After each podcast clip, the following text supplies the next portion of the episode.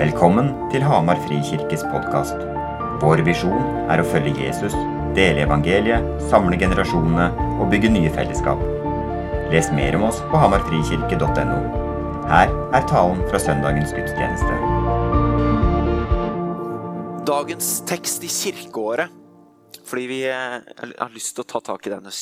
Og Bibelselskapet setter opp noen kirkeårs- eller noen tekstrekker som går gjennom året.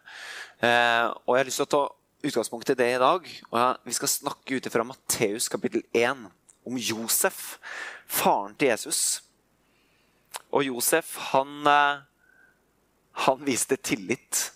Han viste en, en ja, nesten en irrasjonell tillit til Guds løfte, til Guds åpenbaring. Hva betyr det for oss i dag? Um, jeg skal ærlig innrømme at uh, den nedstenginga her, den Ja. Den suger. uh, jeg har forholdt meg greit til nedstengningene så langt de siste to åra, men akkurat den runden her, den syns jeg er skikkelig kjip. Um, og så og så opplever vi begrensninger som samfunn, som kirke, som individer. Og så er spørsmålet hvordan forholder vi oss til de tingene der? Hvordan forholder vi oss til de ytre omstendighetene i livet vårt? Og jeg tror, jeg tror dagens tekst og dagens ord og dagens, kanskje noe av det jeg har fått på hjertet, um, kan være en invitasjon til å strekke tilliten vår og tålmodigheten vår utover det rasjonelle. Um, I møte med både Bibel, i møte med tro, men også i møte med omstendighetene våre. Tør vi å stole på når, når samfunnet stenger ned, at dette, dette går greit? Tør vi å stole på at det er et håp, som vi snakka om for et par uker siden? Eh, skal, vi skal lese Bibelen, så ta gjerne fram Bibelen hvis du har det fysisk eller på telefon. og så Slå opp i Matteus kapittel 1, og så skal vi lese fra vers 18 til og med vers 25 i Matteus evangelium, kapittel 1. Og der står det Med Jesu Kristi fødsel gikk det slik til. Hans mor Maria var lovet bort til Josef. Men før de var kommet sammen, viste det seg at hun var, barn, var med barn ved Den hellige ånd. Josef, mannen hennes, som var rettskaffen og ikke ønsket å føre skam over henne, ville da skille seg fra henne i all stillhet. Men da han hadde bestemt seg for dette, viste en Herrens engel seg for ham i en drøm og sa, Josef, Davids sønn, vær ikke redd for å ta Maria hjem til deg som din kone, for barnet som er unnfanget i henne, er av Den hellige ånd. Hun skal føde en sønn, og du skal gi ham navnet Jesus, for han skal frelse sitt folk fra deres synder. Alt dette skjedde for at det ordet skulle oppfylles som Herren hadde talt gjennom profeten. Se, jomfruen skal bli med barn og føde en sønn, og de skal gi ham navnet Immanuel. Det betyr Gud med oss. Da Josef våknet av søvnen, gjorde han som Herrens engel hadde pålagt ham, og tok henne hjem til seg som sin kone, og levde ikke sammen med henne før hun hadde født sin sønn. Og han ga ham navnet Jesus. Vi skal gå gjennom teksten her og prøve å forklare den. Og så skal vi gå gjennom litt andre tekster etter hvert. Men, men det, det Matteus evangelisten gjør her, det er at i, i starten av kapitlet så går han gjennom hele Jesus sin ættetavle. Altså Han leser navn på navn på navn på navn. Hvem som fikk barn, hvem som fikk sønn etter sønn. Og så setter han Jesus sin ættetavle, sin historie, inn i en arverekke. Helt fra Abraham, gjennom David, til Josef. Det han gjør, er at han plasserer Jesus i en slektsrekke av konger. Av fedrene til israelsfolket. Og så sier han at barnet i Marias mage er av Den hellige ånd. Så det Matteus gjør her, er at han plasserer Jesus i en rekke der han er sønn av Abraham og David, av konger men også sønn av Gud den høyeste. Det er et veldig viktig teologisk poeng som Matteus gjør der, når han viser at Jesus han er ikke en hvilket som helst barn. Nei, han er sønn av konger, sønn av den høyeste. Så står det om, om Josef at Josef var en rettskaffen mann. Hva betyr det at Josef var rettskaffen? Var han rettferdig og gjorde godt mot alle? Er det det det betyr? Det er Mest sannsynlig så betyr det at Josef fulgte Moseloven til punkt og prikke. At han levde som en jøde, sånn jøder skulle leve. Han fulgte loven, han feira sabbaten, han fulgte tempelhelligdommen eh, og alle lovene som var knyttet til det. Og Dermed så blir kontrasten til Maria, som da tilsynelatende har brutt loven, blir så stor. Josef var rettskaffen, men Maria hadde tilsynelatende ikke vært restskaffen. Hun hadde brutt loven. For de var jo etter tradisjonen gift. De hadde ikke fullbyrdet ekteskapet, men en forlovelse på den tida der var i praksis å inngå et ekteskap. Og det står jo Hun blir beskrevet som hans kone. Men de hadde ikke levd sammen som, som mann og kone. Men de var gift. Hun hadde brutt ekteskapet tilsynelatende. Så Josef han hadde all rett han, til å skille seg med henne ut ifra Moseloven, spesielt som vi kan lese i, i 5. Mosebok kapittel 22. Men han ønska å gjøre det i stillhet, fordi Maria hun ville bli vanæra. Hun kom til å miste ære og oppleve skam. For selv om Josef ønska å skille seg i stillhet, så måtte det være vitner. Slik at å skille seg i stillhet betød ikke å skille seg i hemmelighet. Men det betød at han ikke ønska å gå ut med en offentlig anklage mot Maria. Men folket kom til å få vite hva Maria hadde gjort. Josef han ønska, å skille seg i stillhet fordi Maria sto i reell fare for å, for å bli steina. For å dø. Han var klar over at han kom til å påføre henne vanære. Men han ønska å påføre så lite skade som overhodet mulig. Han ønska å beskytte den han var gift med. Og så står det 'etter å ha bestemt seg'. Og det, Oversettelsen her er litt snodig, fordi andre oversettelser eh, der står det om at mens han tenkte på dette, eller mens han prosesserte dette, spesielt i engelske oversettelser. Så, så, det er helt tydelig at språket tilsier at Josef var i prosess. Hvordan skal jeg forholde meg til dette? Og mens han var i eh, prosess, etter at han hadde kommet inn i prosessen, etter å ha bestemt seg, kanskje som det står i vår oversettelse, så får han besøk av en engel i en drøm som sier, 'Du skal ikke være redd'. Tenk deg de følelsene da, som Josef hadde opplevd. Han var gift, og så får han oppleve at kona mest sannsynlig har vært utro. I hvert fall tilsynelatende. Tenk på den sorgen og det sinnet og den frykten Josef må ha opplevd. Den skamfølelsen. Og så kommer engelen og sier, 'Ikke vær redd. Ta henne hjem til deg som din kone, som det hun er.'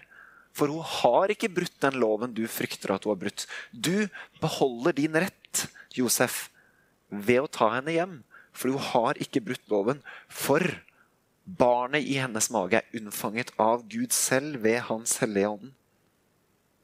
Og barnet som hun bærer, det kommer for å tilgi folket synder, for å frelse folket fra dets synder. Og det betyr også deg, Josef. Ikke vær redd, fordi barnet skal også gi deg tilgivelse. Du har ingenting å frykte, egentlig heller det motsatte. Josef, du kan ta imot det barnet her med glede, fordi barnet kommer med tilgivelse. Josef, ikke vær redd. Og så er det så rart, fordi det er kun Josef som får de ordene. Så alle andre folk rundt Josef og Maria kom til å fortsette å tro at hun hadde brutt loven. Men han får beskjed ikke vær redd. Omstendighetene dine kommer til å være veldig krevende. Alle kommer til å tro at du lever med skam, at kona di har brutt loven, at hun er vanæra. Men du kan vite. Josef, du trenger ikke være redd. Fordi det løftet du får, er at barna er av Gud. Og Josef han velger å handle på tross av omstendighetene. Og Det er så viktig, det som Josef gjør der. Han handler på tross av omstendighetene. Og han tar henne hjem til seg. Så det Josef gjør, er at han viser en enorm, ydmyk tillit til Gud i møte med hans åpenbaring. En tillit som strekker seg langt utover det rasjonelle. Ikke vær redd, Josef. Og For meg så har Josef når jeg på en måte jobba med det, så blir Josef et forbilde for meg. Det å stole på Gud når omstendighetene krever at jeg strekker min tillit utover det rasjonelle. Og som en som tror på Jesus, så krever det egentlig en tillit av meg konstant som strekker seg utover det rasjonelle. For tilsynelatende, hvor rasjonelt er det å tro at Jesus sto opp igjen? Hvor rasjonelt er det å tro at Gud gjør helbredelser og mirakler i dag? Jeg, sånn Filosofisk sett så tror jeg det er veldig rasjonelt. så noe, Jeg har ikke noe sånn filosofisk problem med det. Men min tillit til Gud må alltid strekke seg utover det rasjonelle. Og Josef, han, han gjorde det. Og jeg tror det er en invitasjon til oss i dag til å strekke vår tillit og strekke vår tro utover det rasjonelle og plassere vår tillit hos et barn som ble født for 2000 år siden. Og sette vår tillit til et lite foster i en mage.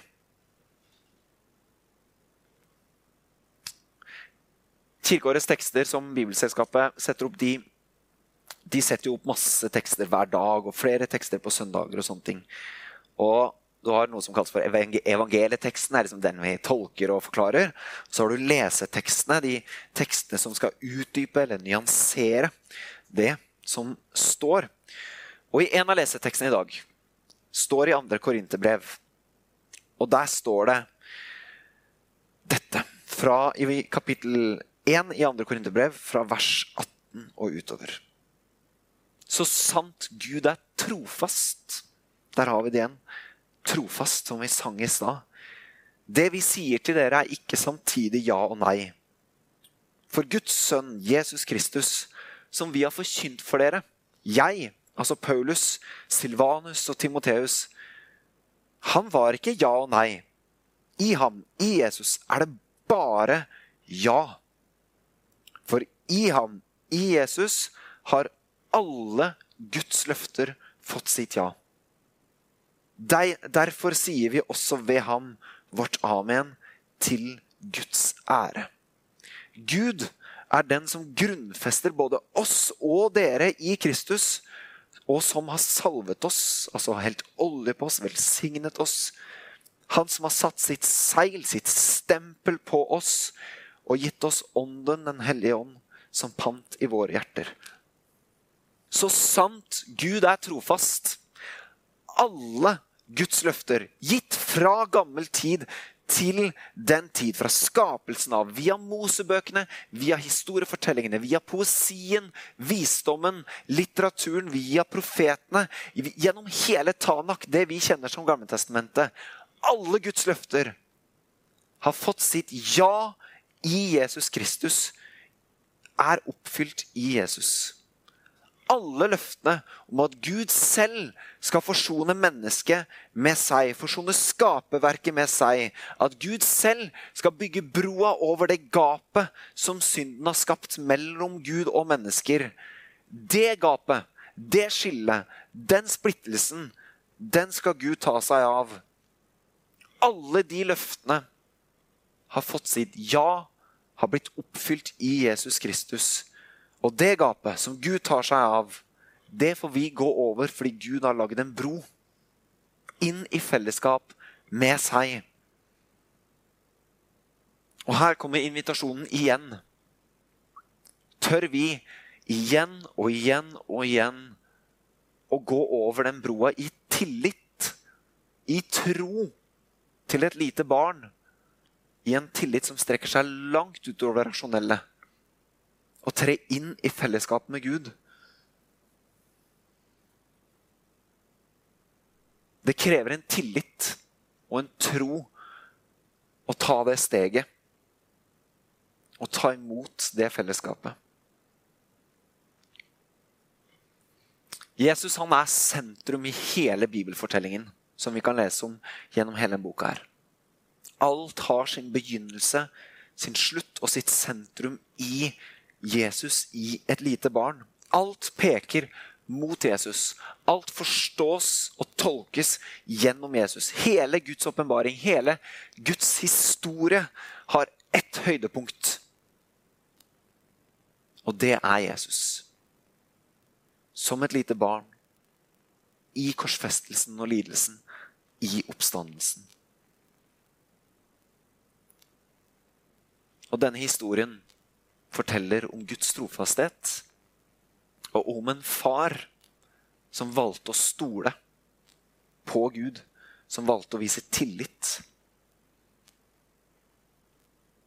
De siste månedene så, så har jeg bedt om at Gud må styrke troa mi. Hjelp meg å tro Gud. Og den bønnen har blitt levende igjen gjennom forberedelsen til i dag. Kan du hjelpe meg, Gud, å stole på deg, slik Josef stolte på deg? Det er en bønn om tro og tillit til et lite barn. Det er en bønn om tro og tillit slik en far viste til Gud. Og kanskje det kan være en bønn om tro og tillit også for deg. For første gang eller for n-te gang. Kjære Gud, hjelp meg å tro. Hjelp meg å ta imot historien. Hjelp meg å stole på. Hjelp meg å tre inn i din historie. Og hjelp meg å gå over broa og inn i fellesskap med deg.